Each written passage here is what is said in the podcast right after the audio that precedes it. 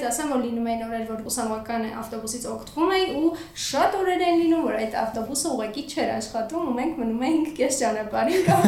հարաբես դասի չէինք գալիս կամ հետ չէինք գնում մենք ունենք կինոթատրոն բայց այդ կինոթատրոն միշտ նույն ֆիլմն երկու երկու ֆիլմ ամբողջ տարվա ընթացքում շատ հաճախ ուղղակի իրենց նողներ նույնիսկ թույլ չեն տալիս այսպիսի սեմինարների մասնակցել որովհետև բնութագրում են որ դա ինչ որ անհայտ ցակման ինչ որ բան է ինչքան է մենք բողոքենք որ ամեն Երևանը կենտրոն է մենք նույնպես ինչ որ չափով դրան նպաստում ենք եւ մեր առաքելությունը հա պետք է համարենք ինչ որ լավ բան է ստեղ վերցնելուց հետո գնալ եւ կիսվել մեր համայնքում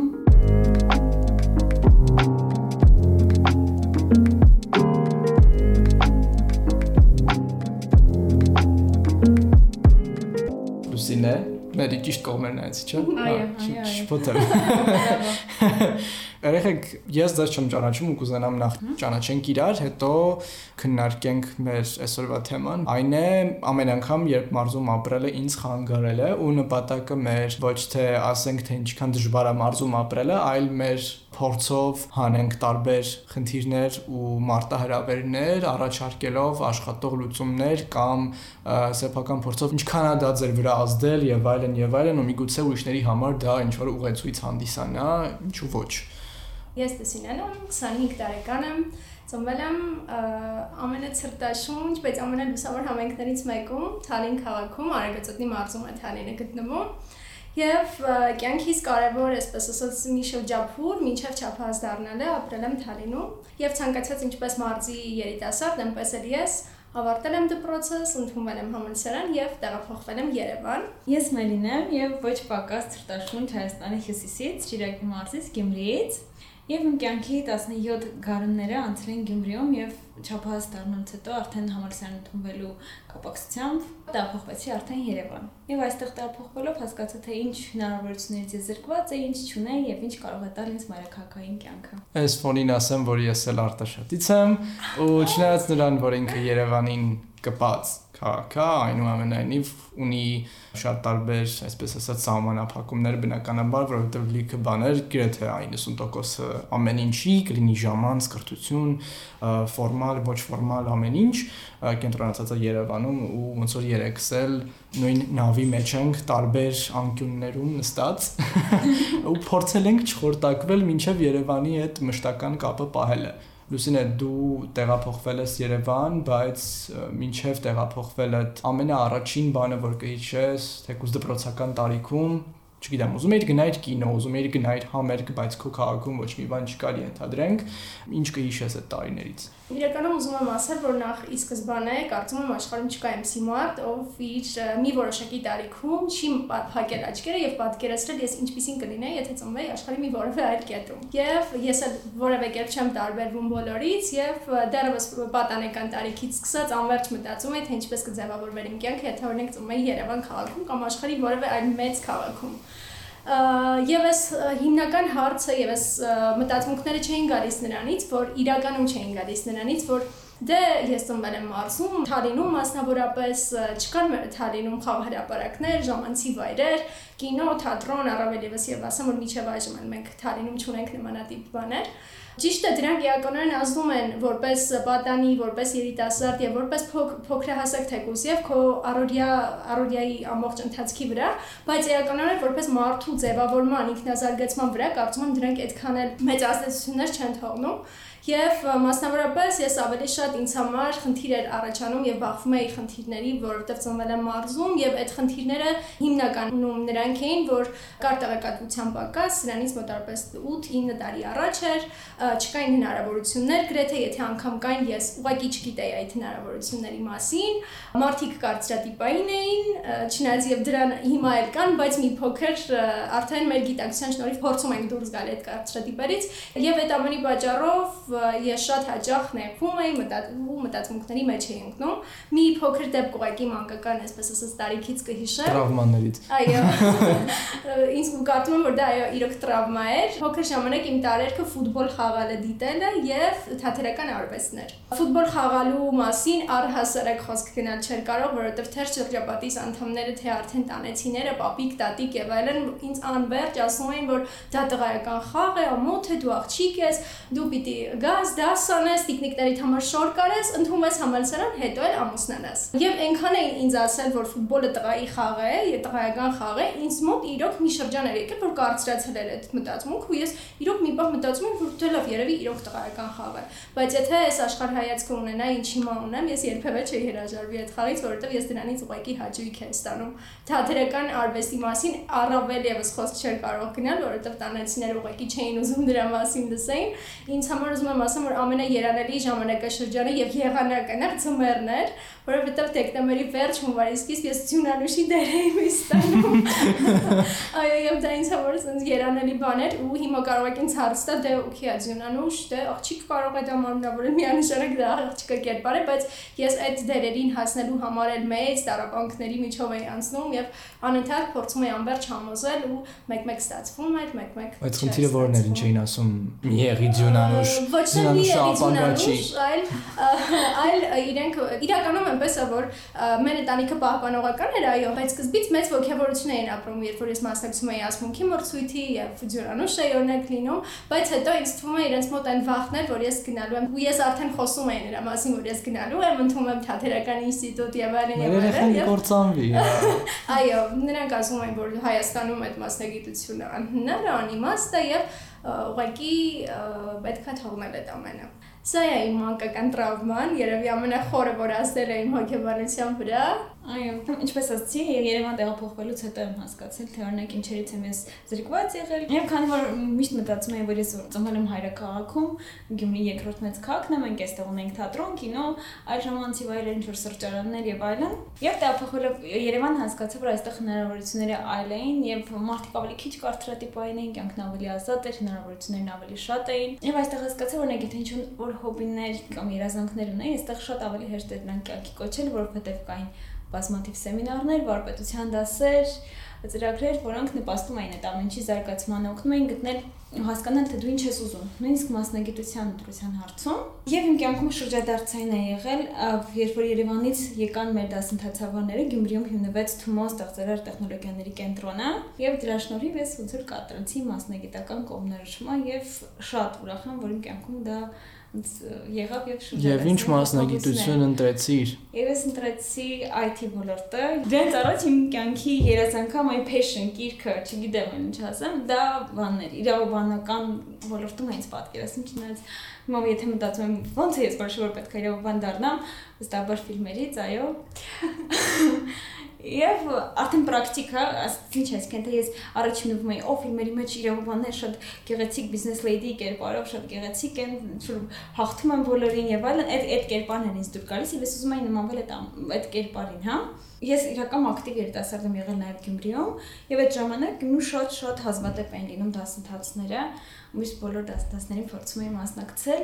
ուրախությամբ կուզենամ փաստել, որ ավելի հաճախակ են դարձել ինչ որ հասարակական կազմակերպություններն, հա, փորձում շեշտադրում դնել մարզերի վրա ինչ որ ծրագրեր իրականացնել, որի համար անչափ ուրախ եմ եւ տեսնում թե ինչքան ակտիվ են Գյումրիի երիտասարդները ինչ որ ծրագրերի մեջ ներգրաված կամ թեկուս մարզային ծրագրերի ժամանակ միշտ տեսնում որ հարյուրավոր հայտեր են գալիս, բայց ցավոք տեղ ինչ որ սահմանափակ են։ Այնուամենայնիվ դա ոչ բոլորին է հասանելի։ Առաջին անգամ կինոթատրոն ես գնացել եմ 14 տարեկանում, երբ որ ես եկա ինչ որ մի օր Երևան, դասարանցիներով եկանք կինո նայելու, անկախ նրանից թե ինչ կինո էր, բայց ես որպես արտաշատի քաղաքացի մեզ մոտ չի եղել կինո ընդհանրապես լինելուց գալիս էր երբեմն թատրոնում հայկական արտադրության բաներ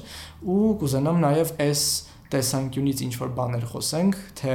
ժամանցի, առօրյայի ու ընդհանրապես ակտիվ հետաքրքիր կենսակերպ վարող երիտասարդի տեսանկյունից ոնց կարա սահմանափակի ընդհանրապես մարզում փակված լինելը։ Եթե դու ապրում ես մարզում, մասնավորապես Թալին քաղաքում, Թալինում կտրականապես որևէ տիպի հնարավորություն չկա ժամանցի Մենք ունենք թատրոն, կինո, թատերական ներկայացումներ եւ ֆիլմեր հա ցուցադրվում են միայն այն դեպքում, երբ որ ինչ որ առիթով օրինակ քաղաքապետարանն է կազմակերպում կամ որևէ ինչ որ հասարակական կազմակերպություններ։ Մի փոքր այդպիսի միջոցառումները շատացել են, քան սրանից մոտավորապես 8-9 տարի առաջ։ Ու ինձ թվում է Թալինը ագին անտեսվող քաղաքներից մեկն է մնացած բաների հետ համեմատ։ Ես համաձայն եմ, այո, գրեթե այնտեղ ինչ որ լուրջ փոփոխություններ չեն լինում։ Կուզում մի շատ կարևոր փոփոխություն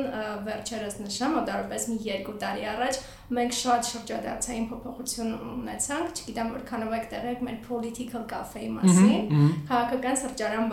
բացվեց, որը էականորեն հեղաշրջում իրականացրեց Թալինում, որովհետև նախորդ ժամանակներում, երբ որ ինչ-որ սրճարան, ինչ-որ ժամանցի վայր էր բացվում, դա տղայական ինչ-որ հավաքույթի կենտրոն էր դառնում, այո, շարթու կենտրոն էր, բայց մեր սիրելի political cafe-ն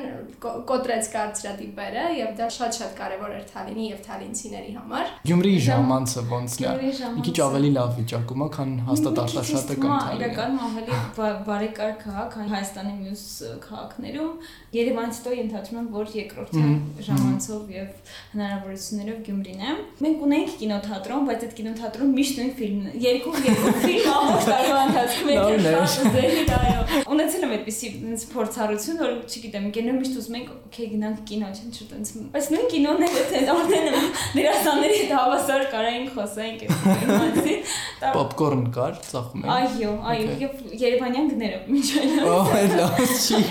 Ունենք մենք ունենք սրճարաններ, բայց կյանքը Գյումրիում 8-ից հետո կարելի ասել շատ էլի տղայական է դառնում, հա, դրանք հիմա էլ գնամ, չգիտեմ, աշխատանքը այստեղ 7-ին է վերջանում, եթե ես գնամ պատկերացնեմ, որ իմ աշխատանքը 7-ին կվերջանա այնտեղ, ես չգիտեմ 8-ին ինչ եմ անելու։ Անկամ եթե մենք այնտեղ ունենք այդ ժամանցի վայրերը, հա, ինչ որ ակտիվություն է, ինչ որ ճանապարհաշինություն է, գնաց ինչ որ տուրիստական կենտրոն է դարձել, ինչ որ հետաքրքիր կենտրոն դարձել, հա, այս վերջի շրջանում, բայց կարող եմ ասեմ, որ էլի եթե շփոթ գիրեք ինչ հաշվենք որին որ ինքը տուրիստա շատ է, հա, դե հիմա բաբշե ռուսները եկել են, ավոր տուրիստա շատ է, բայց մյուս օրերը, հա, աշխատանքային օրերը ինքը ժամի 7-ից հետո դու գրեթե ոչինչ չունես անելու այնտեղ։ Փոստներում կարող ես տեսնել միայն տղաների, հա, տենց տարբեր տեղեր հավաքված, ինչպես ասում։ Եվ եթե եւ եթե թե շատ վտանգում, միայն տաքսիով, այո։ Ու բանն է նա, որ ես այդ նկատել եմ հիմնականում տեղացիների մոտ, այսինքն հերվից եկած, օրինակ Երևանից եկածը կհելնի, կտժա, կոպիտացից, բայց տեղացու համար միշտ ավելի ծանր է միշտ ավելի ծանր է որովհետեւ Երևանցին ավելի շատ երևի Երևանյան մտածելակերպով կամ արտասահմանցին չի մտածում որ կարող վտանգավոր կամ ինչու են մենակ ստեղ տղաներ բան տենց այո կրթության առումով ոչ ֆորմալ կամ ասենք դուրս գնալու փոխանակման ծրագիր, ամենահայտնի ծրագիրը Flex-ն է ու ես հիշում եմ, որ ապրելով մարզում իմ համար տեղեկատվությունը Flex-ի մասին շատ քիչ էր, իսկ Երևանում գիտեմ, որ դպրոցներին ասենց շատ են ասում, ինձ տենց էր հասել տեղեկատվությունը, որ ֆլեքսի համար պետքա ոչ թե ինչ որ ստեղծագործական միտք ավելի շատ, այլ պետք էր իդեալական անգլերեն, ու ես զարմանում էի ոնց էին ինձնից վատ անգլերեն իմացողները գրում, ես հետո եմ իմացել, որ անգլերենը այստեղ շատ երկրորդական էր, այստեղ կարևոր էր քո ստեղծագործական միտքը, կրեատիվությունը ու միշտ այս օրինակը բերում եմ որպես կոնկրետ դեպք, որ ինձ խանգարել է մարզում, քիչ տեղեկացվածությունը։ Ես լրիվ համաձայն եմ, ես ապրելով Թալինում երբևէ այդպիսի ինֆորմացիայի չեմ տիրապետել, նույնիսկ չեմ էլ իմացել, որ այդպիսի ծրագիր կա ու հա հենց եկել եմ Երևան ու միջազգային ծրագրերի մասին տեղեկատվություն եմ ստացել։ Ցավալի մի փաստ միայն կասեմ, որ իրականում եթե անգամ հիմա էլ մեծամասնությունը ունի այդ ինֆորմացիան, թեկուզ եւ Facebook-ից, Instagram-ից հիմա բազմաթիվ այդպիսի խմբեր կան ու հնարավորությունը շատ-շատ մեծ է, որ դու շատ հեշտորեն կարող ես իմանալ ինչպիսի ծրագիր կա եւ ինչպես կարող ես մասնակցել, բայց ցավոք սրտի մեր մարզի պատանիները, երիտասարդները երբեմն թույլտվություն չեն ստանում այդպիսի ծրագրերի դիմելու։ Ես միայն մեկ օրինակ կբերեմ, վերջերս մի դրամաշնորհային ծրագիր է իրականացնում հենց Թալին քաղաքում Եվ ընդմիջման ժամանակ ես երիտասարդների եւ պատանիների հետ կիսվում էի իմ փորձով, թե ինչքան հնարավորություններ կան, շատ հասարակական կազմակերպություններ կան, որոնց կարող են անդամակցել, կամավորություն անել, դիմել միջազգային ծրագրերին, եւ ես ինքս էլ վերջերս գնացել էի միջազգային մի այդպիսի փոխանակման ծրագրի եւ իմ փորձով էի կիսվում եւ ցավոք սրտի իմ այդ ողջավորությանը երիտասարդները եւ պատանիները պատասխանեցին, որ շատ հաճախ ուղղակի իրենց ծնողներն նույնիսկ թույլ չեն տալիս այսպիսի սեմինարների մասնակցել, որովհետեւ բնութագրում են, որ դա ինչ որ անհայտ ցակման ինչ որ բան է, ինչ գիտենք այնտեղ դες ինչ են սովորեցնելու եւ այլն եւ այլն, ու այստեղ մի փոքր հատված կուզեմ ծնողներին դիմել, որ իրենք պիտի հանդիսանան իրենց երեխաների թիկունքը ու պետք չի այդքան լուսավոր, այդքան պայծառ երիտասարդների թևերը ուղղակի կտրել, որովհետեւ իրենք շատ ուժեղ են, շատ պայծառ ու լուսավոր են ու վստահաբար պետք է իրենց հնարավորություն տալ, որ հետ գան ու իրենց մարզը ել ավելի, իրենց համայնքը ել ավելի լավ դարձնեն։ Ավելի լավ չէր ասվել։ Ֆլեքսի թեման շարունակելով կուզենամ ասել, որ ես երբ որ տեղեկացա ֆլեքսի մասին, արդեն 12-րդ դասարանում էի սովորում, ու ոնց որ դա իմ միակ եւ վերջի շանսն էր հա մասնակցելու։ Վերջի օրները պետք է ոնց որ միանգամից գնայինք։ Ասիլա ֆիսո տունը չեմ ասում, ասա գնամ անցնեմ կասեմ, հենց առաջի փուլանցը զանգեցեցի։ Ես անցել եմ ֆլեքս տրեկիր, ու ասում Այդ ինչ ինչ ինչ ինչ ֆլեքս։ Ասում դե եթե անցնեմ գնում եմ Ամերիկա, մտոր չի Ամերիկա, որտեղ իրանք արդեն Երևան գալու փասն են, էլի դժվար ընդունում որ պետք է գամ Երևանում սովորեմ, որ ավելի հաճախականություն ավելի քչանալու էր մեր շփման։ Ասում եմ դե դե կգնամ Ամերիկա մի տարի այնտեղ կապրեմ, չունի նահանգում, չունի ուրիշ ընտանիքի հետ մամա պապա կասեմ իրանց, եւ իրական այդ աջակցությունը հա ընտանիքների կողմից շատ դժվար է ստանալ եթե անցնեի, ես չեմ պատկերացնի ինչ կլիներ, բայց տենց էլ ես ոնց որ երկրորդ փուլն ասի, օքեյ, արդեն դու ես սկսում վախենալ, այսինքն դե դու ունենում ես այդ աջակցող ձեռքը, հա, աջակցությունը որ դու կարաս ու լիք մարդ կան, ես ճանաչում որ ինձ ավելի վատ անգլեր են գիտեին, ավելի քիչ շփող էին քան ես եւ այլն, բայց իրենք ունեին աջակցող ընտանիք, ովքեր ասում են, չէ, դու դու գնալու ես անցնես, սա գնում ես հավայն կղզին գնաս, ասում են այդ մարդիկ, այո, որովհետեւ երբ որ դաժե ես սկսում արդեն վախենում, որ անցնեմ, ինչ եմ անելու, տենց շատ շատ հաճախ նույնիսկ մարդիկ վախենում են շարունակել էլի ճանապարհով անցնել։ Okay, կարող է լինել ֆեյլի, բայց ավելի լավ է հիմա մտածում գնայք ունեք ֆեյլի, կընտածում ես չեմ անցել շատ-շատ մեծ խնդիր է, որ մենք բարձրագույն կրթություն ստանալու համար պետքա հələ ես մոտիկ եմ, արդեն շատից ամեն օր իր պարտադիր չի ես տուն վարձեմ Երևան տեղափոխվեմ, այսինքն այդ երիքի տեղի ունենում ինչ որ միգրացիոն գործողություններ, ել ավելի գերկենտրոնացում ա գնում Երևանի վրա, երիտասարդներից ազատվում են մարզերը ու ըստեղ 18-17 տարեկան ուսանողը բախվում է լիքը-լիքը խնդիրների մեր արժե համակարգով որ հերիքի մի հատ ծնողներն են միշտ sense կամունկացի մեջ բա ոնց է լինելու տենց ինչ որ գեր հոգատարություն վիճակներ են ու մի հատ էլ մենք գալիս ենք այն որ տուն են գտնում տունը չի գտնվում տանտերը վատնա լինում ու դուք քանի որ վստահ եմ ինչ որ բաների նման բախվել եք մի քիչ դրանից պատմեք ու sense բանալի բառերով ասեք թե թե ինչ խնդիրներ եք տեսել նախ ասեմ որ Թալինը մի քիչ ավելի մոտ է քան Գյումրին բարեկամ դաշտեմ ու մեզ մոտ ունենք մենք ես հիշում եմ ուսանողական ավտոբուս ունեինք որ ամեն օր ժամը առավոտյան շուտ ժամը 7-ին շարժվում էր Թալինից եւ մենք 9-ին արդեն հասնում ենք մեր դասերի եւ հետ էլ վերադառնում ժամը 3-ից կես գրեթե մեծ մաս ուսանողության այդ ժամի դասը ավարտում է ու կարողանում էր հետ վերադառնալ իրականում դու այդ հնարավորությունը ունեիր կարող էիր ամեն օր գնալ գալ բայց ուղղակի դու պիտի մոռանայիր սովորելու մասին, որովհետև ամբողջ օրը առավոտյան 6-ին արթնանալ, պատրաստվել, գնալ եւ հետ գալ։ Իհարկե մեծամասամբ կան շատ ուսանողներ ունենք, որ այդպես են անում, բայց ես ինքս չկարողացա զոհ գնալ այդ ամենին ու այո, ես տուն վարձեցի եւ բնակվեցի Երևանում մի որոշակի ժամանակաշրջան հենց այդ ուսանողական ընթացքում, բայց ասեմ, որ լինում էին օրեր, որ գնում էի եւ գալիս էի, ուսանողական ավտոբուսից օգտվում էի ու շատ օրեր են լինում, որ այդ ավտոբուսը ուղղակի չէր աշխատում ու մենք մնում էինք կես ճանապարհին կամ կարողես դասի չէինք գալիս կամ հետ չէինք գնում։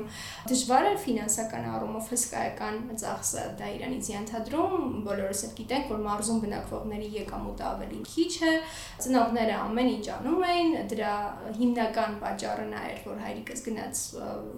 արտերկիր աշխատելու, որովհետև ես եւ եղբայրս ուսանող էինք ու պետք էր այդ հարցերը ամբողջովին կարգավորել։ Ունենք Գյումրին շատ անհամեմատ ավելի հեռու է եւ այն ժամանակաշրջանում մի 4 տարի առաջ էր որ ես էի նոր տեղափոխվել, տաքսի սերվիսները այդքան տարածված չէին եւ չկային էլ նույնիսկ շատ-շատ քիչ էին, տենց 1-2 պայմանավորվածության հիման վրա տաքսի ինչ որ ծառայություններ էին։ Եվ գնաց հավաքվում նստում գնում ես, հա գնում ես, այն որ Վարդան ձեձե շփոթ գնալ ժամը 4-ին, չոր այդ վիճակներն էր։ Եվ կային գնացքներ, որի միջոցով էլ մեր ինձ նողները տենց հորդորում էին, որ որտեղ գնացքը ապահով էր, ավտոմեքենան ինչ գիտես կարա գնա 1000 փորձանք մենակ աղջիկ ինչ ասես կարա լինի եւ գնացքներով էր անցնում իմ ուսանողական տարիները դրա համար անհնար էր ուղղակի ամեն օր 3 ժամ գալ 3 ժամ գնալ եւ համալսարանից կայարան այդ պրոբկաներին չնես լավ մետրով գալ երկնալ բայց Դե բայց հա օրական 6 ժամ 6 ժամ եւ գնացքով միայնակ դա ուղղակի խելագարվում է դա եզակի պատճառներից է որ չի ուզում գնալ Գյումրի նույնիսկ այդ շաբաթ երկի օր պատկես 6 ժամ անցնի գնացքների մեջ շատ հաճելի համար պատկերացնելա դրա համար ոնց որ ես էլ տափոխվեցի արդեն արդեն բնակության Երևան, տուն վարձեցինք եւ տափոխվեցի Երևան, քույրս էլ էր ուսանող, տենց միասին ապրում էինք Եվ իմ համար ինչն էր ամենասկզբում տենց սթրեսային եւ բարդ, ես եկել եմ Երևան, ես ճանապարհներ չգիտեի, եւ պետք էր գնալ առողջության դասին, անց քիչ ես չի պատկասում, որ այստեղ տենց երթուղայինները, հա, այդպեսի վիճակում էին, որովհետեւ մենք Գյումրիում գրեթե տենց մի 4 երթուղի ունեինք, որոնք այդքան լիքը չէին լինում երբեք, պլյուս մեր դպրոցը միշտ շատ մոտ էր եղել, ես ոդկով էի գնացել եւ չէի պատկասում, որ առողջության դասի գնալը դա ավելի մեծ փորձություն է, քան համալսարանում սովորելը։ Շատ բարդ էր ճանապարհային սկսում սխալ երթուղի նստել, սխալ ուղությամբ գնալ եւ հետո այդ ամեն ինչը հաղթարել։ Այդ ժամանակվանից իմ երազանքը դարձել էր, որ չոր Երևանի համար պետքա դնեմ տրանսպորտային ինչ-որ գծեր, բանանեմ application։ Այո, իրավաբան հետ դարձա ծրագրավորող։ Ծրագրավորող ծրագրավորող էի սովորում արդեն։ Եվ այո, դա իմ երազանքներից մեկն է ինչ-որ application, որը կօգներ մարզերից եկող հա ուսանողներին կողմնորոշվել Երևանում, որտեղ շատ մարդիկ միգուցե ինձ ավելի քիչ շփվող են եւ տենց շատ բարդ է իրենց մոտ 15 մարդկանցից հարցնել ճանապարհը կամ ինչ որ օգնել, որ որթեն որ կանգառում պետք է իջնեն։ Անկեղծ ասած նույն միտքը ինձ մոտ եկավ, որ ոչ միայն իրանց կօգներ քաղաքում կողմնորոշվել, քանի որ ամեն դեպքում քարտեզներով ինձ թվում է արդեն բոլորս կարողանում ենք օգտվել, լիներ ինչ որ ծառայություն, կազմակերպություն, որ թեկուս ինչ որ կլորիկ գումարով կարող էր մարզ եկած երիտասարդին ասել, թե ինքը ինչպես կարա ադապտացվի քաղաքին, ինչ վճարներ կան, չգիտեմ, որ կայքերից օգտվի տուն գնելուց, ոնց ընտրի տունը եւ այլն եւ այլն ու լիքը հարցեր, որ մի մատ երեխան ցենց ասած պետք է իրան օգնել։ Պաստորեն ամեն դեպքում ինչքան էլ կան խնդիրներ, մարտահրավերներ, բայց երեքս էլ կոփվել ենք, ավելինքան կոփվել ենք։ Այդ խնդիրներն են արդեն մեզ ադապտացվում, բայց նոր եկող երեխեքին պետք է ասել, որ լինեն մաքսիմալ ուշադիր, թե իրենց, թե իրենց առողջությանը, թե իրենց իրերին, որովհետև ուսանողական տարիներին լիքը բաներ են կորցնում Այո, եւ գրպանահատությունից խոսալ։ Ամեն դեպքում ես հասկանում եմ, որ ամբողջը տեղեկատվական հարցեր են, որովհետև նույն սեմինարները, նույն դասընթացներին մասնակցելու կանոնները, բոլոր այդ ինֆորմացիան արդեն կարելի է ստանալ ինտերնետից ու ինչքան էլ չորաբաստիկ, այնքան էլ իր պլյուսները բերած պանդեմիան, լոկդաունը մեզ սովորացրեց, որ գրեթե ոչ իմանից կարող ենք հետ չմնալ, նստելով տանը, նստելով մեր, չգիտեմ, զուգարանում գործանել, միանալ եւ այլն դասանել։ Եվ կարող ենք լուվրում շրջել։ Այո, այո, այո։ Ինչ որ մաղթանք։ Ես կուզեմ ասեմ երիտասարդներին, որ կյանքը հնարավորությունների շարան է եւ ոչ մի հնարավորություն մեր կյանքում եզակի չէ եւ եթե ինչ-որ մեկը մենք թեկուզ բաց ենք տոնում ինչ-ինչ պատճառներով վստահաբար գալիս են այլ ուրիշ հնարավորություններ դրա փոխարեն լրացնելու միգուցե դրանից ավելի լավը ինչքան էլ մենք գանք Երևան եւ Երևանը լինի մեզ համար հնարավորությունների կենտրոն, մեզնից է կախված մեր համայնքների զարգացումը եւ ինչքան է մենք բողոքենք, որ ամեն Երևանը կենտրոն է, մենք նույնպես ինչ որ չափով դրան նպաստում ենք եւ մեր առաքելությունը հա պետք է համարենք ինչ որ լավ բան է ստեղ վերցնելուց հետո գնալ եւ կիսվել մեր համայնքում, ինչ որ փոփոխություններ մտցնել կամ թեկուզ եթե մենք ինքներս պատրաստ չենք դրան, ուղղորդելու են մարդկանց, բարձրաձայնելու են խնդիրները, որոնք կան մեր մարզում, որովհետեւ ոչ ոք բացի մեզնից, այսինքն այն մարդիկ, ովքեր ապրել են, անցել են ամեն ինչ միջով, չեն կարող փոխանցել այն խնդիրները, ինչքան էլ Երևանից հիմա փորձագետներ թեկուզ գնան,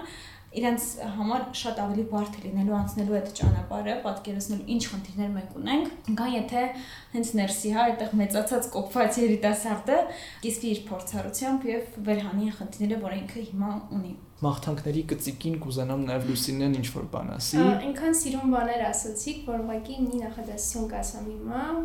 ուզում եմ որ բոլոր երիտասարդները չվախենան, երազեն ու ամեն բան անեն իրենց երազանքին հասնելու համար որովհետև մեր վաղվա օրը, մեր լավ երկիրը, մեր հզոր երկիրը, մեր հզոր համայնքը, զարգացած համայնքը կախված են միմիայն մեզանից։ Եվ եթե մենք ուզում ենք այն լավը տեսնել, առաջինը լավը պիտի լինի մեր ներսում։ Այնպես որ շարունակեք երազել եւ աշխատել այդ երազանքի ուղղությամբ։ Ահա։ Մմ,